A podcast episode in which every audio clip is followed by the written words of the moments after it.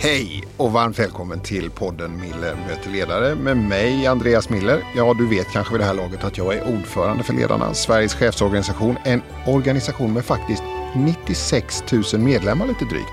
Vi har aldrig varit så många och allt fler ser alltså värdet av en organisation som sätter chefens förutsättningar i fokus. Och är du inte med, så välkommen med. Eh, idag träffar jag en HR-chef som likt ledarnas kollektivavtal, ledaravtalet, driver att lönesättning måste utgå från individen och individens prestation och bidrag till verksamhetens mål. Hon har jobbat med att förnya den här processen för att verkligen använda lönen som ett viktigt instrument. Maria Hallander Larsson, välkommen hit. Tack så hemskt mycket. Känner du igen det där att du har förändrat och förnyat processen? Ja, det, man kanske inte ska dra det allt för långt men ja, till viss del har jag faktiskt gjort det. Efter alla år så försöker jag testa och prova lite nya vägar. Mm. Ja, du ska säga det, du är HR-direktör på Akademiska Hus. Mm. Det sa ju inte jag, jag bara presenterar ja, dig sådär. Men jag har faktiskt, när jag pratar med folk i, i den här branschen, i HR-branschen om man får uttrycka sig så, så är ju du en fixstjärna säger folk. Ja, det, oj då, vad fint sagt. Ja. Det känns nästan obekvämt men tack så mycket, säger jag. Jag har ja. hållit på länge, det kan väl vara det som, ja, som det. det. handlar om. Du har hållit på länge, jag ja. fattar. Mm. Eh, men du, någonting har du ju gjort för annars skulle inte folk säga sådär. Så kan det vara. Ja, ska vi höra vad du, lite grann av ditt mångfacetterade CV? Det låter så här. Maria Lander Larsson är något av HR-världens rockstjärna hon är en av landets mest prisade HR-direktörer och inte minst har hon tagit hem titeln som Årets HR-chef. Hon har en otrolig spännvidd vad gäller olika branscher. Hon har arbetat i organisationer som Scandic Hotels, Swedbank och Posten och i styrelser som Svenska Ridsportförbundet, Samhall och restaurangkedjan Vapiano. I grunden är Marie utbildad förskollärare med ett brinnande intresse för livslångt lärande. Idag förenar hon kunskap och HR i sin roll som HR-direktör för Akademiska Hus. Ja men du Maria, här liksom är det restauranger och det är allt möjligt och det är ridsport. Jag, jag tänkte bara sådär liksom, du har ju, alltså stallet, ja. ridningen, vad är det för dig? Ja men det är mitt liv skulle jag vilja säga. Jag har hållit på med hästar hela mitt liv. Och är så lyckligt lottad så jag bor på en gård i Vallentuna där jag har mina hästar. Väldigt nära huset. Vad, vad, vad gör stallet med dig? Ja, Eller hästarna? Hästarna, ja, men alltså, hästarna är ju en, ett ställe där jag får massa näring och luft. Eh, det är ju så här att det är mitt jobb så det är rätt krävande. Vi har människor runt mig hela dagarna. Mm. Att få gå ut till stallet med, där det är villkorslös kärlek i stallet. Hästarna blir glada när man kommer. Eh, det är en del av livet för mig. Och det är där jag får rätt mycket återhämtning och kan gå och fundera när jag mockar där. Och också få perspektiv framförallt. Mm. Men du rider också mycket då? Absolut, varje dag. Vad är den bästa ritten? Ja, men alltså när du får den där maximala kommunikationen. Jag är dressyrryttare. Och till, som person så är jag inte speciellt detaljfokuserad utan det är väldigt mycket känsla. Och att få sitta på en häst och sen helt plötsligt bara funkar det. Du, har, du dansar med hästen, du får ett samspel. Och det är väl kanske det, det här med att uppleva att du måste hitta ett annat sätt att kommunicera. Eh, som gör att du får ett resultat som är gemensamt. Och en häst, till skillnad mot människorna, de står inte på kvällen och funderar över att ah, imorgon ska jag vara en riktig jäkla medarbetare eller imorgon ska jag inte göra det eller det. Utan hästarna är väldigt här och nu. Och då lär man sig också tänka här och nu. Och att imorgon är en annan dag. Så jag har mycket, jag har mycket glädje av det i mitt jobb. Men du, jag kan ju se att det är en hel del folk i ridsporten som blir mm. chefer mm. och ledare på en mm. massa olika mm. håll. Och så. Vad, vad, vad är det man tar med sig därifrån in i ledarskapet skulle du säga? Ja, men det är just kommunikationen tror jag. Man får verkligen träna och kommunicera med någon som inte har samma språk eh, som en själv. Och de väger kanske 600 kilo också. Eh, men sen är det väldigt mycket ansvar. Eh, därför hästarna är helt beroende av dig.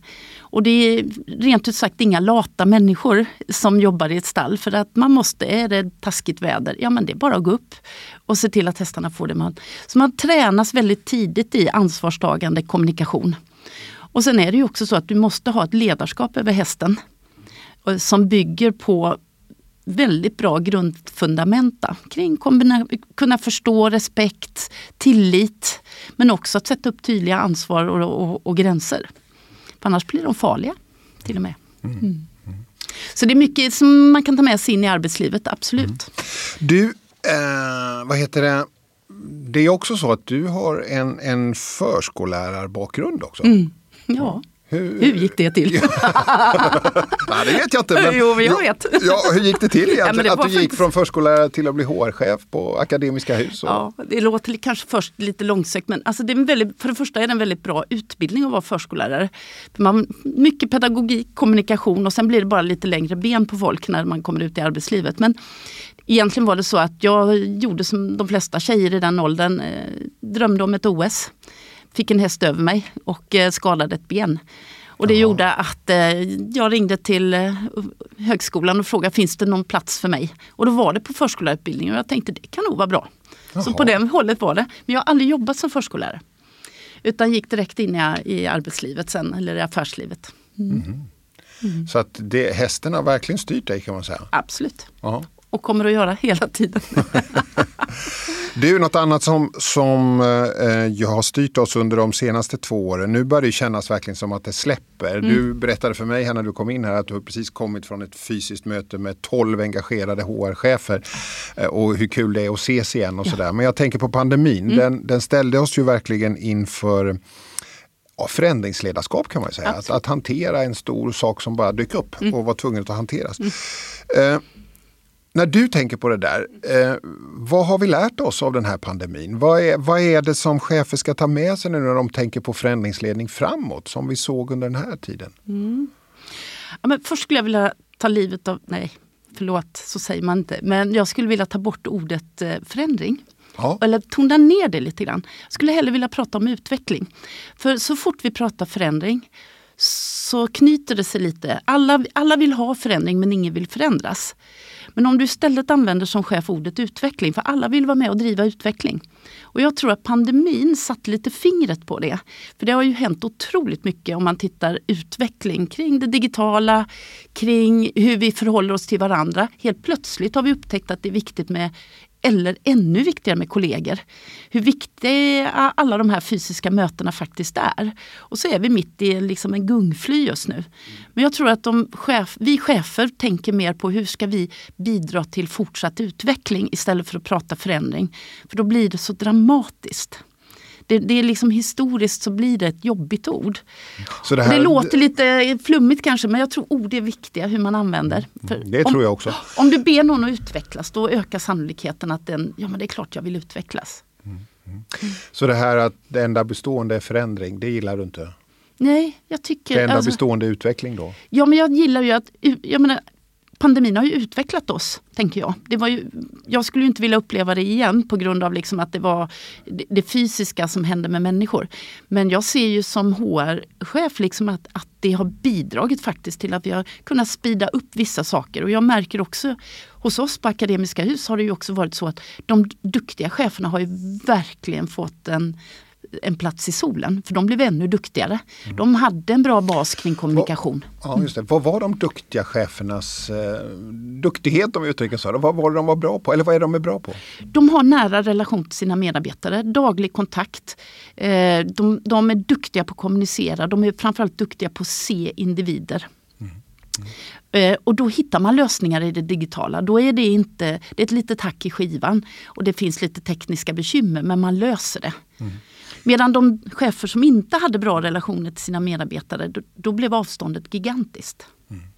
Men du, hur är det på er, för er nu då, på mm. Akademiska Hus? Mm. Hur jobbar ni framåt nu? Hur, har, ni några, har ni några regler eller eh, jobbar man när man vill, var man vill eller hur ser det ut? Ja, men så här, 70% av mina medarbetare på Akademiska Hus måste vara på, på jobbet. Ja. De sköter våra hus och våra fastigheter. Eh, så att det har inte varit en jättefråga i sig. Däremot blev det en rättvisediskussion. Vilka får vara hemma, vilka får inte vara hemma och så vidare. Och vi har konstant från dag ett sagt att eh, det är individen, alla har olika förutsättningar. Man har olika arbetsuppgifter, olika väg till jobbet, olika hemförhållanden, olika sjukdomsbilder. eh, mer eller mindre pigga släktingar. Allt det här. Så livet är inte rättvist utan det viktiga är att var och en får en god chans att skapa så bra förutsättningar som möjligt per individ. Så vi satte aldrig några regler. Och satte heller aldrig, aldrig några regler på tillbakagången. Och vi ser ju nu att för varje vecka kommer ju fler och fler tillbaka av de 30 procenten som har ändå kunnat jobba hemma. Mm. Men du när du räknar upp det här nu mm. runt omkring, eh, men mm. livet är inte rättvist. Nej. Så var det väldigt lite som handlar om jobbet egentligen. Du, ja. du, du mm. radar upp allting som berör utanför jobbet. Ja. Tycker du man ska börja där? Ja men både och. Och, jag, och här är det ju inte, det är ju ingen lätt fråga det här. För, för man pratar väldigt mycket om att det kommer att kommer en ny trend nu med silent quitting. Det vill säga att vardagen kommer att sätta agendan snarare än arbetslivet. Vi, vi är ju uppfostrade i att arbetslivet har satt mycket av, av agendan men pandemin har ju bidragit till att man börjar fundera på, på livet. Och ska det men, verkligen men ta sån tid? Ja, liksom? nej, ja. No, det är ju, det är ju, det är ju en existentiell fråga. Och en, men jag tänker som chef och ledare så, så kan jag, ju, jag kan ju vara tilltalad på ett sätt av det du beskriver Absolut. med alla de här omständigheterna som all, varje medarbetare har. Men jag möter ju också chefer som säger om jag ska ta ta hänsyn till allt det här så mm. vet inte jag hur jag ska driva verksamheten. Nej, och det tycker jag är helt rätt utgångspunkt. För det är viktigt att komma ihåg. Du som chef ska leda och fördela arbetet. Ja. Du har ett resultatkrav. Det är ju inte så att vi har anställda på grund av att vi, vi, vi tycker det är lite småtrevligt att alla är där. Utan vi ska ju driva en, en effektiv verksamhet. Men det som är nytt är ju de här kringdiskussionerna. Mm. Eh, som Verkligen. gör att det stökar till det för cheferna. Men jag tycker det är otroligt viktigt att tala om för cheferna att du är ansvarig för att leda och fördela arbetet. Så det är inte fritt valt arbete. Men man behöver prata om dem. Mm. Mm. Yttre förutsättningar. Du, eh, du pratar ganska mycket när man läser mm. om dig och sådär och jag har också hört dig om mm. att du pratar ju om att hierarkierna håller på att plattas mm. ut och mm. det är ju inte bara du som säger det. Vi ser det i många företag. Och att makten flyttar ut, decentralisering och att Mm. Men du säger också att chefer inte ska lägga sig i så mycket ibland. Vad, mm. mm. vad, tänker, vad är det du vill åt där? Vad är det du tänker? Ja, men, eh, det är lite taget ur sitt sammanhang. För när jag pratar om att man inte ska lägga sig i så balanserar jag kontroll och tillit. Mm. Vi sätter det i ett sammanhang nu då. Bra. Mm. Vi sätter det i ett sammanhang. Alltså, för mig är det en balans mellan kontroll och tillit. Ja. Och traditionellt, om vi tittar på vad som händer runt om i världen, så, så i och med transparensen och allt som ökar, så ökar ju också bördan på kontrollsystem. Eh, vi får nya riktlinjer, det kommer EU-direktiv, det kommer rapporteringsdirektiv och sånt. Mm. Och om vi bara går på den, då kommer vi inte kunna leverera det som vi pratar om, engagemang, motivation, vilja. Så jag tror på den där balansen. Så när jag säger att man inte ska lägga sig i, så är det ju så att du har fortfarande ansvar för att få resultatet. Eh, och jag säger inte att man inte ska kontrollera, men det är den där balansen. Mm. Och när kontrollen tar överhand, då tar det också, ursäkta, all kraft och livet av all motivation. Mm. Eh, hörde, så de blir ju, det, är ju den här balansen som blir viktig. Ja. Mm. Ja, jag hörde en chef, eller jag har en, en chef och ledare som som sa häromdagen som har jobbat i offentlig förvaltning väldigt mm. länge och sa det att det finns en övertro på juridik och regler och en Exakt undertro på ledarskap ja. och tillit. Och jag kan älska det. Mm. Jag tror att det precis är så. Sen är tillit ett väldigt spännande ord för att det börjar och slutar i, i det, det måste börja uppifrån och ner och nerifrån och upp. Eh, och, och, och det, det kostar energi och det kostar aktivt arbete för att få till det där. Eh, och när jag säger att man inte ska lägga sig i så är det ju den här grundmurade tron på att faktiskt människor både vill och kan leverera. Och jag är blåögd fast jag är brunögd eh, och tror att alla människor faktiskt vill gott till motsatsen är bevisad. Och då däremot så kan jag vara rätt så tuff alltså. Mm. Ja men du, det där då, hur följer man upp då? Uh, hur följer man upp på ett konstruktivt sätt? Hur mm. jobbar du med dina chefer på Akademiska mm. Hus för att liksom få den där, mm. hitta balansen men också följa upp konstruktivt uh, liksom och se var är vi, var befinner vi oss? Mm. Ja, men du, det är så spännande där, för, för fyra, fem år sedan så tittade vi på just den här frågan och så ser vi att vi på HR, vi har levererat massa verktyg som faktiskt motsätter sig allt det här. Typ utvecklingssamtal, prestationssamtal, medarbetarundersökningar.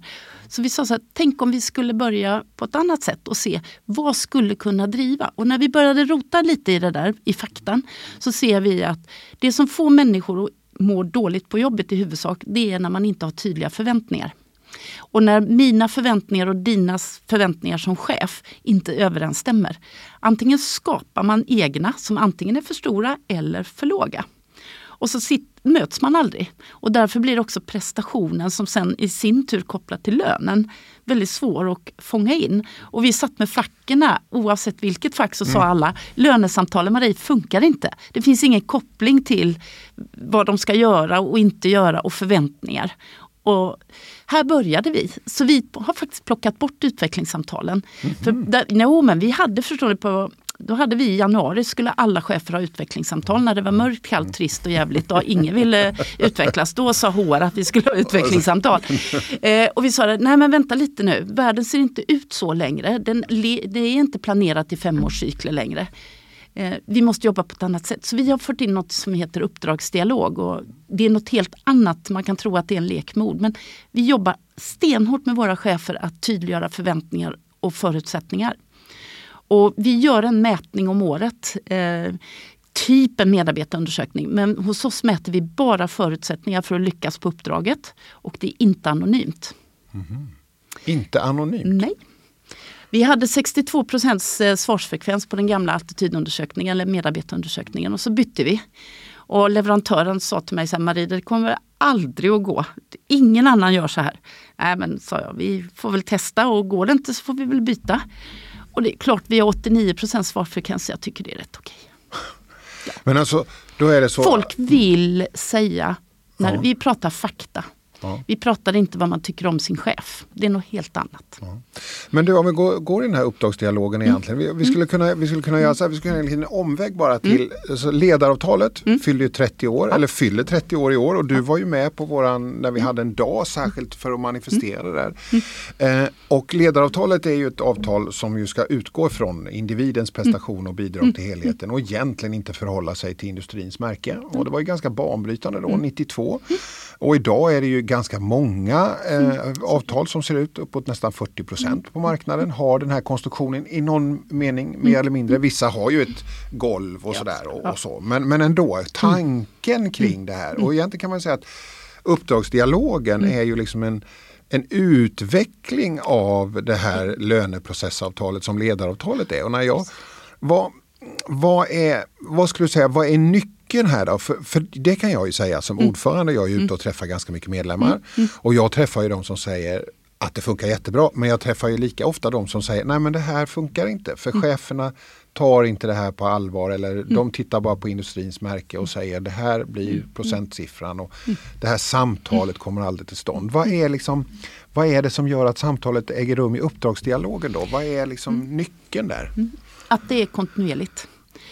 Eh, för det är så här, eh, när vi förde in det här så blev det ju väldigt liv i luckan på våra chefer. För gillade man inte planerings och utvecklingssamtalen innan så helt plötsligt blev det ju den Guds gåva till mänskligheten när vi tog bort det. Och mycket handlade om det här med oron, liksom, ja men hur ska vi nu ta hand om det här när vi inte får ha de här mötena? Ja. Och då pratar vi om, det är du som leder och fördelar arbetet. Det är ditt jobb att säkerställa kontinuerlig dialog. Så vi pratar dialog, dialog, dialog. Och vi pratar om relation. Hur ofta pratar man om det här uppdraget? Hur många gånger? Du får prata om det sju gånger om dagen om du vill. Ja. Det är det som är grejen. Det är inte en gång om året, för världen är inte en gång om nej, året. Nej. Eh, utan det är verkligen kontinuerligt. Men det är också, och det här ställer ju krav på ledarskap. Det är inte chefskap vi pratar om nu, vi pratar ledarskap. Det vill säga, jag som ledare i mitt eget team jag har ju en medarbetare som är relativt ny i teamet som jag måste ha samtal lite oftare. Medan jag har några som är riktiga ringrävar. De skulle nästan tycka att jag var oförskämd om jag frågade sju gånger om dagen. Sen så kan ju jag välja min metod i mitt team för att följa verkligheten. Men det vi som vi tycker är den springande punkten det är ju att det är en smart idé för en chef att säkerställa att medarbetarna bidrar till den plan man har lagt. Då är det ju en förutsättning att medarbetarna är med på planen. Mm. Du, där ligger den stora grejen. Det är där samtalet äger rum. Mm. Mm. Men nu, nu, beskriver du ju mm. chefen då mm. eh, och, och, det jobb som chefen måste göra i det här. Men vad skulle du säga, vad är det för medarbetarskap som mm. också behövs? För en dialog bygger ju på två. Absolut.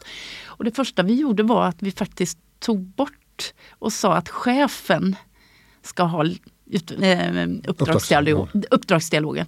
Utan vi har lagt över ansvaret på medarbetarna faktiskt och sagt att du har rätt att ha uppdragsdialog när som helst och chefen är skyldig.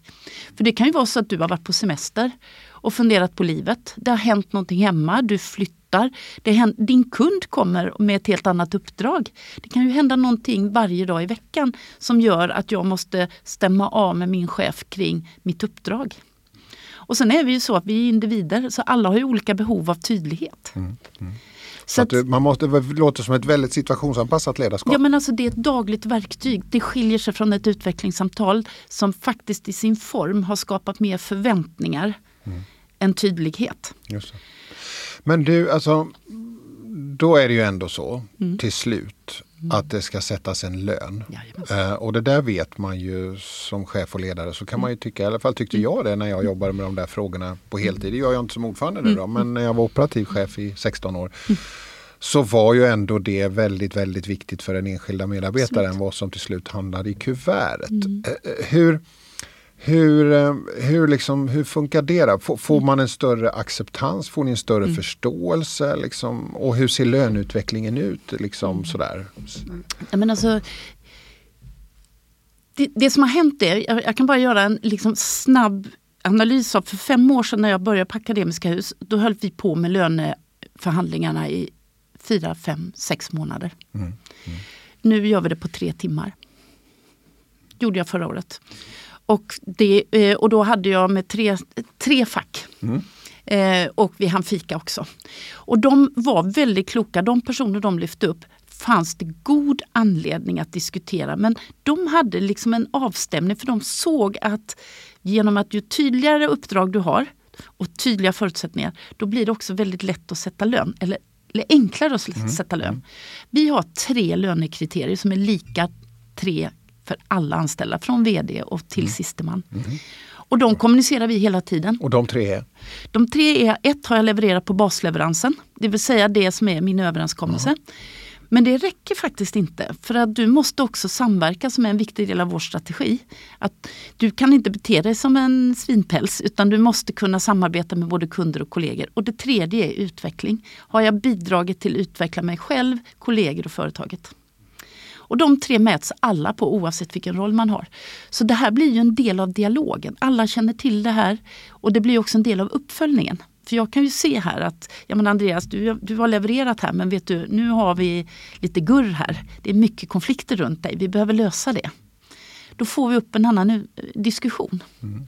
Så att egentligen är uppdragsdialogen är egentligen kanske också ett väldigt mycket instrument att kunna prata om vad är det vi gör och varför och hur. Exakt, och det är väl därför man är på jobbet. Mm. Ja, ja, det håller jag med om. ja, det håller jag med om. Men du, eh, eh, mm. men då så, när, när, ni sätter upp de här rimliga utvecklingsmålen då, mm. är det liksom hur, hur, är de agila också i någon slags bemärkelse? Att de kan ändras under årets gång? Och liksom, eller, har de någon, någon, eller hur funkar det? Nej, men alltså, det är, då är vi tillbaka till det här statiska utvecklingssamtalet i januari ja. där man gjorde en mm. utvecklingsplan ja. och så händer det massa saker vilket gör att de här förväntningarna aldrig infrias. Nej. I och med att du har en ständig uppdragsdialog, du kan ju komma så här som en av mina medarbetare häromdagen kommer till mig och sa, vet du det här kommer att börja hända hos oss. För vi ser att kunderna kommer att ställa krav, jag behöver lära mig mer. Bra, sa jag. Har du någon idé? Ja, säger hon. Mm. Och, och ser till att skaffa sig den kompetensen. Det är inte jag som säger utan hon kommer med initiativ. Mm. Och då blir det också så att säga, en, del, av, av dig, att, ja. att, hon, ja, att hon är initiativtagare och driver. Ja. driver ja. Därför att hon är angelägen om att göra sitt uppdrag. Hon ser att ja, men ska jag leverera på det här uppdraget behöver jag lära mig mer om det här. Mm. Mm. Och, och då blir det utveckling på riktigt. Men, Marie, man, man kan ju tänka så här ibland att, att om det låter så himla bra, skaver det någon gång då? Ja men det är klart det skaver, varenda dag. vad, vad är det som skaver då? Det, nej men det är ju när du, du det är ju det som också driver, skavet driver utveckling. Mm. Och det är ju det som är grejen, att när du och jag inte är riktigt överens om förutsättningar eh, då måste man in och skava mot det här. Och vi ser ju nu att vi gjorde en omorganisation i våras. Mm. Och nu ser vi att ja, men nu räcker det inte med att individerna har hittat sina uppdrag utan då måste även grupper hitta sina uppdrag eh, hur man synkar ihop med andra, hur, hur flödena går. Jag ser också, som jag inte hade räknat med när vi lanserade det här, att uppdragsdialogen har blivit en väldigt bra konfliktlösare för mig. Mm. Nej, men ibland blir jag, det är någon chef som behöver hjälp liksom, när det har kört ihop sig. Då kan jag gå in och titta på uppdragen och kan ofta, i nio fall av tio så ser jag men det är inte konstigt att de bråkar här. För oftast är det ju att vi inte skiljer på sak och person. Men oftast börjar det ju i sakfrågan. En ska åt vänster och en ska åt höger. Eller hur? Va? Och så sätter man sig ner och ber dem att beskriva sina uppdrag. Då, då löser de ut det. Det är, alltså, det är rätt häftigt att få sitta där och inte hålla på och prata om att du sa och du var dum. Och det, utan återigen, vi är på en arbetsplats. Vi får inte glömma det, det är en arbetsplats. Mm. Men du, mm. Eh, det här då. Hur, hur ska man få fler att, att liksom lämna industrins märke och så fångar ni det och fångar ni den här modellen? Alltså det, mm. finns ju, det finns ju en väldigt stark, liksom, mm. det här du säger att du har gått från sex månader till ja. tre timmar. Ja. Det måste ju vara fantastiskt tänker jag. Ja. Och att det blir mer liksom ett pågående samtal mm. och liksom ett utveckling och så. Men hur ska man få fler att våga ta den, det steget? Men jag tror att vi ska komma ihåg att, att jag vill verkligen skicka en varm tanke till våra fackliga organisationer. Vi har tre fackliga eh, organisationer hos oss. Alla tre såg ju från sina olika avtalshåll att det här med lönesamtalen och prestationssamtalen fungerar inte. Vi hade en blankett med 37 stycken punkter man skulle utvärdera. De sa det här är, inte, det här är inget bra sätt. Vi släppte diskussionen om märket i de samtalen. Vi pratade om hur ska vi få en vettig löneutveckling. För mitt jobb är ju att se till att folk ändå känner att de får en schysst lön för det jobb man gör. Så att vi satte oss runt ett bord och började diskutera tillsammans med alla tre facken samtidigt. Och då blev det inte kronor och ören eller procent eller potter som blev diskussioner utan hur får vi en bättre lönebildning genom att folk känner sig trygga i hur vi gör det. Så jag tror att fler skulle göra så. Eh, släpp siffran och börja tänka på hur, hur, får vi det, vad är det vi vill ha? Vi vill ju ha nöjda medarbetare hos oss som känner att de får en schysst lön. Och jag vill ju betala schysst. Men jag vill också ha pang för pengarna om du ja. ursäktar uttrycket. Det, det, behöver du inte ursäkta, jag tycker det låter högst, högst rimligt. Ja. Nej, men du, men vi glömmer det i diskussionen ja, ibland, ja. att man får faktiskt lön för att mm. prestera. Mm. Men du, en sak här som, som jag tycker vi kan komma in på. Du och jag sitter nu, det är knappt en vecka sedan trygghetsöverenskommelsen mm. ja. blev verklighet 1 oktober. Alltså mm. avtalet mellan Svenskt Näringsliv, PTK, mm. privata mm. tjänstemän i samverkan och LO eller mm. IF Metall och ja, LO också mm. ska jag säga för de kom ju faktiskt med på båten. Det här är ju en överenskommelse som har två ben kan man säga. Det ena är ju arbetsrätten. Det tänkte inte jag vi behöver uppehålla oss mycket med just idag.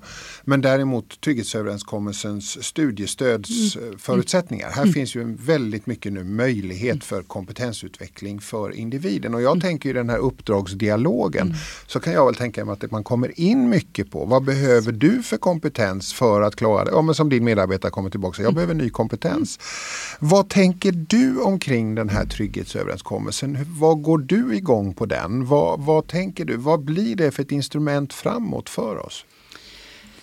Uh, nej men det första jag tänker är ju att det är så härligt liksom att vi får verktyg för att stödja det livslånga lärandet. Jag jobbar ju på Akademiska hus och vår, vår vision är ju att bidra till Sverige som kunskapsnation. Så det ligger ju vår verksamhet väldigt nära. Vi, mm. vi ingår bland universitetens mm. underbara värld. Där, där utbildning är ledstjärnan. Så att för mig det här med livslångt lärande, vi har tagit ett steg till hos oss. För vi pratar om vår nyfikenhetsstrategi. Eh, och, och det handlar ju om att få människor att vilja lära sig nya saker. Eh, och, och, det låter jättebra men det är faktiskt inte så enkelt. För det är oftast mycket kurs och utbildning och vi pratar väldigt mycket om hur kan vi skapa nyfikenhet. Vilket vi gör på en mängd olika sätt. Vi har stipendier, vi har eh, bokcirklar, gamla hedliga bokcirklar. Vi hade 50 personer som diskuterade fem böcker i våras. Ja, vilka alltså, fem böcker var det då? Jo men det var, eh, nu ska vi se om jag kommer ihåg, det var Depphjärnan. Mm. Eh, det var Strannegårds bok eh, om lärande. Lars Strannegård på Handelshögskolan Precis, har också varit med i podden här. Ja. ja. Det var eh, Per Lagers bok. Ja, Reskilling Upskilling. exakt så. Ja. Och sen så är det den här orangea boken som handlar om digitalisering. av Sara... Sara, Nej, Sara. Det, det, det, är en essä med fullt med människor som har tyckt Aha. massa kloka saker. Det okay. kommer snart, jag kommer snart på vad den heter.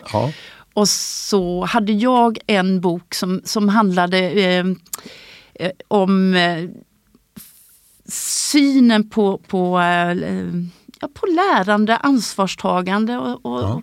Så att, Hur funkar en sån bokcirkel då? Läser man alla fem böckerna i på en Nej, gång? nej, nej. man Man får anmäla sig till en.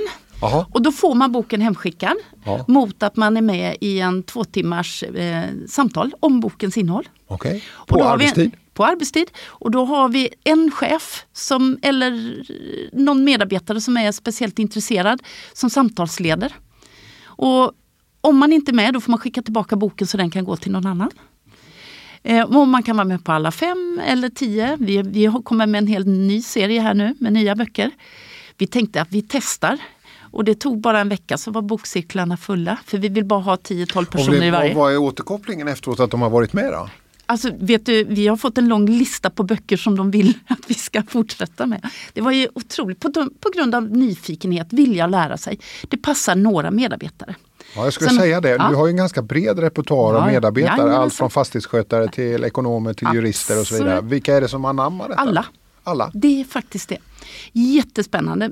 Sen har vi också en annan grej som för att i nyfikenhetsstrategin så har vi mängder med olika aktiviteter. så det, det är ett smörgåsbord så det ska passa någon. En annan aktivitet som jag gärna vill tipsa om här det är att vi delar ut 100 000 på våren och 100 000 på hösten. Där man får söka stipendier för saker som man är lite nyfiken på och vill lära sig. Och då kan jag säga att motorsågskörkort, lastbilskort, eh, drönarkörkort, språkkurser. Jag har en kille som har gått en ritkurs eh, som nu också ritar upp eh, alla trädgårdsanläggningar och sätter upp anslagstavlan som är en drifttekniker. Alltså det finns allt möjligt. Och vi har i snitt 15-16 personer på våren och 15-16 på hösten. Och då tänker ni när ni beviljar de där stipendierna, ska det ha bäring in på verksamheten? Ja men det har du om du är nyfiken. Ja. ja. Så det är en väldigt generös Det är attityd. en väldigt generös men det är en viktig signal att vi tror att nyfikna människor hänger med på i, i utvecklingen. Och det du beskriver nu Ja, Marie, det det är, är bara ju två fantastiskt, det är fantastiskt bra att ni gör som företag. Men vad tänker du om den här möjligheten nu då som ges? Alltså för det är, ju, det är en sak vad man, och det ska vi verkligen ha klart för oss. Det här trygghetsöverenskommelsen är ju inte till för att Nej. företagen ska smita undan och inte göra sitt utvecklingsarbete som du beskriver här. Men det här att faktiskt människor mitt i livet nu får en möjlighet. Alltså vi såg ju den här veckan som vi sitter i så är det ju över, jag tror det snart är 5000 som har sökt omedelbart. Ja det var fler tror jag. Till Ja, det var till och med fler. Jag såg fyra och sex och så tänker jag det har kommit till några. Men det var säkert ännu fler. Ja, jag tror det låg över 6000 nu. Ja, jag pratade ja. med någon på Trygghetsrådet Ja, häromdagen. ja, ja, men du ser, Mm. det finns liksom ett enormt tryck. Vad, vad, vad tror du, vad kommer det här att innebära? Vad kommer det här förändra? Nej, men jag tror att det handlar om, det jag försöker prata om nu vid vår nyfikenhetsstrategi är ju liksom att, att det handlar om attityd och värderingar och synsätt på utveckling. Man, det är livslångt lärande och, och jag tror också vi ser våra universitet har ett jättestort eh, uppdrag i att liksom, det är inte bara så när man har gått i pension att man går en kurs på Stockholms universitet i konsthistoria, för äntligen får man. Utan det här är någonting som pågår hela tiden och jag tror den här överenskommelsen kan sätta lärande på kartan på ett nytt sätt för det skapar nya möjligheter. Det Så jag, jag är jättepositiv till Ja, det. jag, jag, också, jag är otroligt positiv. Det enda som kan oroa mig lite är ju om de som du hjälper med fastigheter, om de är tillräckligt snabbfotade för att möta de krav som nu kommer eller de förväntningar som kommer hos eh, medarbetare. Och, och chefer för den delen. Vi har ju många chefer som också tycker att det här är en fantastisk möjlighet att, så att säga, vidareutveckla sig för att kunna ta nästa jobb. Och det har ju egentligen varit grunden för oss när vi har varit med i den här förhandlingen. Det handlar ju om att tryggheten ligger i att vara anställningsbar, inte i att hålla fast i de jobb som försvinner. Nej, men då är du inne på en sak som jag ändå skulle vilja göra ett medskick. Liksom att vi, traditionellt så har man lagt en avdelning för omvärldsbevakning som jobbar med strategier på någon stabsroll. Jag tror att en viktig uppmaning till alla chefer är att bygga in omvärldsanalys i den dagliga verksamheten. Det kan man göra på en mängd olika sätt. Att göra medarbetarna medvetna om vad som händer gör att man är mer beredd också att aj, aj, aj här måste jag hänga med. Det funkar ju väldigt bra privat eh, när man upptäcker liksom att man måste ha bank-id och sånt. Så varför skulle det inte funka på arbetstid? Eh, ja, men, men det ligger ett ansvar hos oss som chefer att se till att medarbetarna får förutsättningar. Det vill Mm, Att säga förstå. vet, det här kommer att hända. Nu digitaliserar vi till exempel våra hus på Akademiska hus. Alltså, det är mycket som går med, med teknik. Det är klart att då går man inte och skruvar på elementen längre utan man sköter det från iPaden. Det, det sker en förskjutning och då måste man hänga med i den. Det är superviktigt. Men då bygger det på att vi också talar om det för medarbetarna. Du, hur många chefer har ni på Akademiska hus? Just nu har vi ungefär 75 stycken. Mm, de här 75 stycken, mm. hur jobbar du med dem för att de ska hålla långsiktigt och liksom inte gå in i väggen? Ja, men då är vi tillbaka till uppdragen. Mm. Och förväntningar och krav. Eh, att vi hela tiden kalibrerar. Vad är lagom mycket eller lag för lite? Ska vi också komma ihåg. Att för lite, att inte få vara med där det händer är också en stressfaktor idag. Vi pratar om, vi har, vi har delar av vår utbildning är obligatorisk i stresshantering, både för sig själv och sina medarbetare. Eh, nu har jag en jättehäftig utmaning. Jag har lyckats sälja in ett treårigt chefsutvecklingsprogram utan innehåll som ska följa vår strategi. Ja, det är jättespännande. Just för att bygga on demand, för att kunna fånga upp hur får vi cheferna orka det här. Går det för fort, går det för sakta, vad behöver de för någonting? Vad menar du att det inte har något innehåll? Alltså, du tänker att du ska bygga innehållet under vägen? Eller? Ja, precis. On demand. Vi bygger innehållet, liksom, vi ser att ja, men nu går organisationen för hårt och kanske vi behöver bygga in det här. Nu behöver vi sätta lite fart på de här delarna. Och I vissa delar ska cheferna gå själva och i vissa fall så har vi programdelar som man också involverar medarbetarna för att få den här nya omorganisationen att verkligen få den effekt vi hade mm. tänkt. Är det så här att du som många andra företag som jag möter mm. nu och chefer så att man tänker att jag vill inte skicka iväg mina chefer på kurs. Mm. Jag vill att kursen ska pågå i verksamheten. Mm. Ja absolut, det är huvuddelen. Men jag ser ett värde i att skapa en kollegial gemenskap bland cheferna. Mm. Så Det är därför jag säger att vissa delar kommer man att köra i sina hemmaarenor. Men vi träffas till exempel nu första gången i det här programmet 2-3 februari. Där alla chefer är i samma rum för att dela vardagen. Och jag tror att det är en viktig del att man hittar stöttning i varandra. Det är liksom inte, det är väldigt poppis med externa coacher och allt vad det nu är. Det är säkert jättebra. Men jag tror att den största effekten är när man har goda kollegor som kan hjälpa en. Vi har en tes hos oss, det är fint att be om hjälp. Och den pratar vi ofta om. Mm. Du, du lyfter ofta vikten av återhämtning. Ja. Uh, på en skala mellan 1 och 10, hur bra är du på det själv? 8-9. Jag är rätt kaxig här men det är på grund av mina hästar. Ja. Mm. Mm. Så din dag, den, liksom när du går in i stallet då släpper du Akademiska hus? Absolut. Eller, eller både och. Eh, när du rider, du kan inte tänka på något annat. Det kommer hästen på på två röda sekunder. Hästen är en direkt spegel Ja, och den kan okay. bli farlig om du liksom är någon annanstans. Men jag kan inte sticka under stol med att vissa månader rider jag ut väldigt, väldigt tidigt i skogen, får frisk luft och då kan jag sitta och fundera på något personalärende eller någon, någonting jag ska göra. Så jag får tid med mig själv där helt enkelt. Jag är omgiven av människor hela dagarna så hästarna är underbara. Hur duktiga är cheferna på Akademiska Hus då att ta och, och se till att de får återhämtning och reflektion? De är hyggligt dåliga. De är hyggligt dåliga. Ja. Varför är det så? Alltså det här möter vi ju ganska mycket. Mm. Att vi får, liksom, vi får ju prata väldigt mycket om hållbara yeah. chefer och att faktiskt yes. ge tid för mm. reflektion och mm. återhämtning. Vad är din lång, erfarenhet som ändå är ganska lång? Mm. mm. Varför är det så svårt för chefer att prioritera sig själva? Ja, men det, det, jag tror det är två saker. Det, det ena är att, att um, förutsättningarna att vara chef är för, är för tuffa idag. Kraven på cheferna är enormt höga det är inte bara från ägare och chefen ovanför en utan det kommer, idag är det väldigt höga förväntningar från medarbetare, från samhället. Du ska vara på ett speciellt sätt, så det är den ena delen. Det andra är att chefer oftast är högpresterare by definition. Mm. Eh, de, de vill gärna mm. gå på högvarv. Mm. Och det är kanske inte alltid så lätt att tagga ner när man liksom är igång. Och så helt plötsligt så blir man lite, ja det blir lite too late när det slår till. Liksom och man blir inte uppmärksammad. Därför måste vi prata om det. Och det är därför vi har obligatorisk chefsutbildning i, stresshantering till exempel hos oss. Mm. Eh, Marie Hallander Larsson, väldigt mm. kul att ha dig här i podden. Vi börjar närma oss slutet, det går ju så fort när man har sant? roligt. Ja, så, så det har gått jättefort här. Men, men du, eh, alla mina gäster brukar få ge något råd till chefer som lyssnar på den här podden. Eh, så innan vi avslutar samtalet så tänkte jag så här. Du som är HR-chef, vad skulle du säga till andra chefer hur man får till kompetensutveckling i vardagen? Vad är det viktigaste? Eh, det är att sluta tänka kurs. Eh, att, att se arbetsuppgifterna som en utvecklingsmöjlighet. Och att se människorna vad de faktiskt skulle kunna bidra med istället för att se problem. Se lösningar istället för problem. För jag tror nämligen att alla människor vill göra gott, alla människor vill utvecklas. Sen vill man inte alltid utvecklas just på jobbet. Men då gäller det att hitta de parametrarna som, som driver folk. Och det är olika motiv. Vi är alla olika.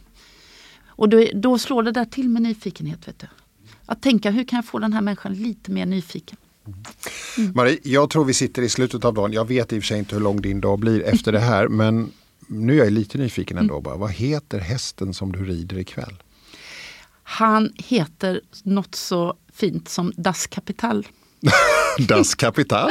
Fast han går under namnet Kalle och det funkar, han lyssnar bara på Kalle. Ja. Ja, Stor, svart och vacker. Mm. Och väldigt medveten om det. Ja, ja vad, vad, roligt. Det fick ju nog associera vidare in i, i, i ja, ekonomisk historia och så vidare. Men vi släpper det. Mm.